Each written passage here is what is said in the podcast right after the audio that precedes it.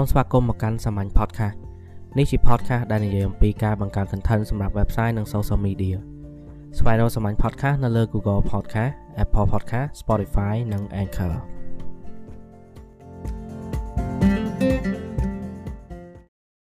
នៅក្នុង episode នេះខ្ញុំមានជាសំណួរមួយថាតើ podcast ដែលអស្ចារ្យមួយកើតចេញមកពីណា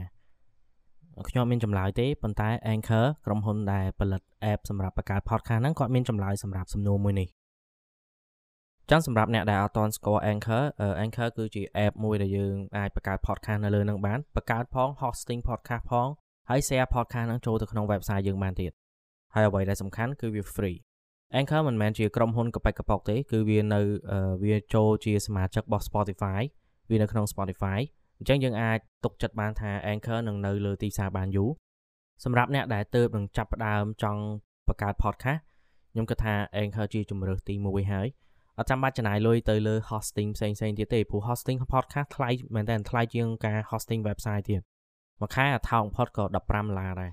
អញ្ចឹងបើសិនយើងទៅចាប់ផ្ដើមទេដាក់នៅលើ Anchor សិនទៅចាំពេលដែលយើងមាន audience ច្រើនហើយឬចាំពេលដែល podcast វាផ្ទុះទៅជា platform ធំមួយនៅស្រុកខ្មែរហើយចាំយើងចំណាយលុយទៅលើវា podcast អត់មានបញ្ហាទេគ្រាន់តែវាទៅ copy អា feed ពីក្នុង Anchor ដាក់ចូលក្នុង account ថ្មីដែលយើងបង់លុយឯងអត់មានអីពិបាកទេហើយធ្វើតាមមួយ plat គឺបានហើយ ខ្ញុំ testing ហើយដោយសារខ្ញុំគិតថាថ្ងៃក្រោយពេលដែលខ្ញុំផ្លាស់ platform ធំជាងហ្នឹងខ្ញុំនឹងនឹងបន្ថែមលុយទៅលើ podcast របស់ខ្ញុំហ្នឹងហើយវាងាយស្រួលចឹងបកមកសំណួររបស់យើងវិញថាតើ podcast ដែលល្អឬអស្ចារ្យមួយហ្នឹងវាកើតចេញមកពីណាយើងអាចនឹងគិតថាវាកើតចេញមកពីការសរសេរ script ទុកមុនការរៀបចំប្រធានបទដែលគួរឲ្យចាប់អារម្មណ៍ឬការស្រាវជ្រាវការអីប៉ុន្តែ Anchor អត់យល់ស្របជាមួយអាហ្នឹងទេ Anchor គាត់និយាយថា គាត់សរសេរនៅក្នុង blog របស់គាត់នៅលើ Medium ហ្នឹងគឺគាត់បានសរសេរថា podcast អស្ចារ្យមួយកើតចេញមកពីការសន្ទនារាល់ថ្ងៃវាអាចជាការសន្ទនារវាងខ្លួនយើងជាមួយនឹងមិត្តភ័ក្តិជាមួយនឹងក្រុមគ្រួសារជាមួយនឹងការងារឬក៏ជាមួយនឹងអតិថិជនរបស់យើងគាត់ថាហ្នឹងគឺជា podcast ដែលអស្ចារ្យបើសិនជាយើងមកមើលឧទាហរណ៍ podcast ល្បីៗនៅលើទីផ្សារ podcast ដូចជា Joe Rogan podcast ឬក៏ Entrepreneur on Fire Gary V podcast ទាំងអស់ហ្នឹងគឺពឹងផ្អែកទៅលើការសន្ទនាទាំងអស់គ្រាន់តែជា conversation ទេតាមពិតពួកគាត់អត់បានរៀបចំ script អត់បានចំណាយពេលធ្វើការ research ឬក៏គឺគាត់គ្រាន់តែជា conversation ធម្មតារបស់គាត់ប្រចាំថ្ងៃហើយអ្នកដែលស្ដាប់ហ្នឹងគឺ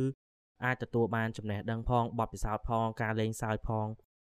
វាជាលក្ខណៈ entertainment លាយឡំជាមួយនឹង education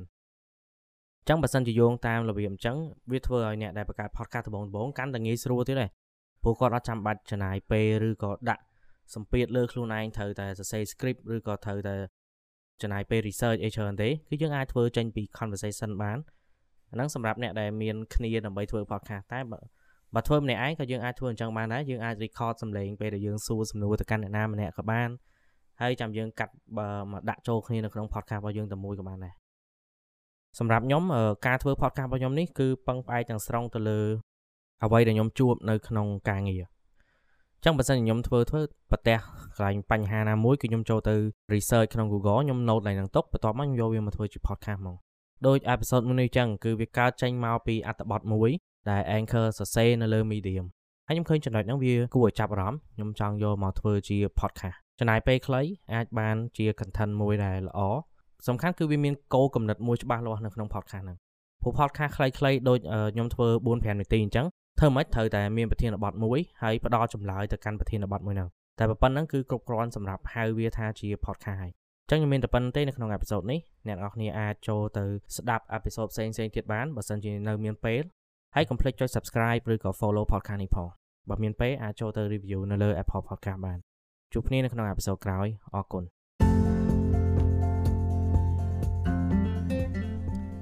podcast នេះជាផ្នែកមួយនៃសាមញ្ញសេវាកម្មបង្កើត content សម្រាប់ website និង social media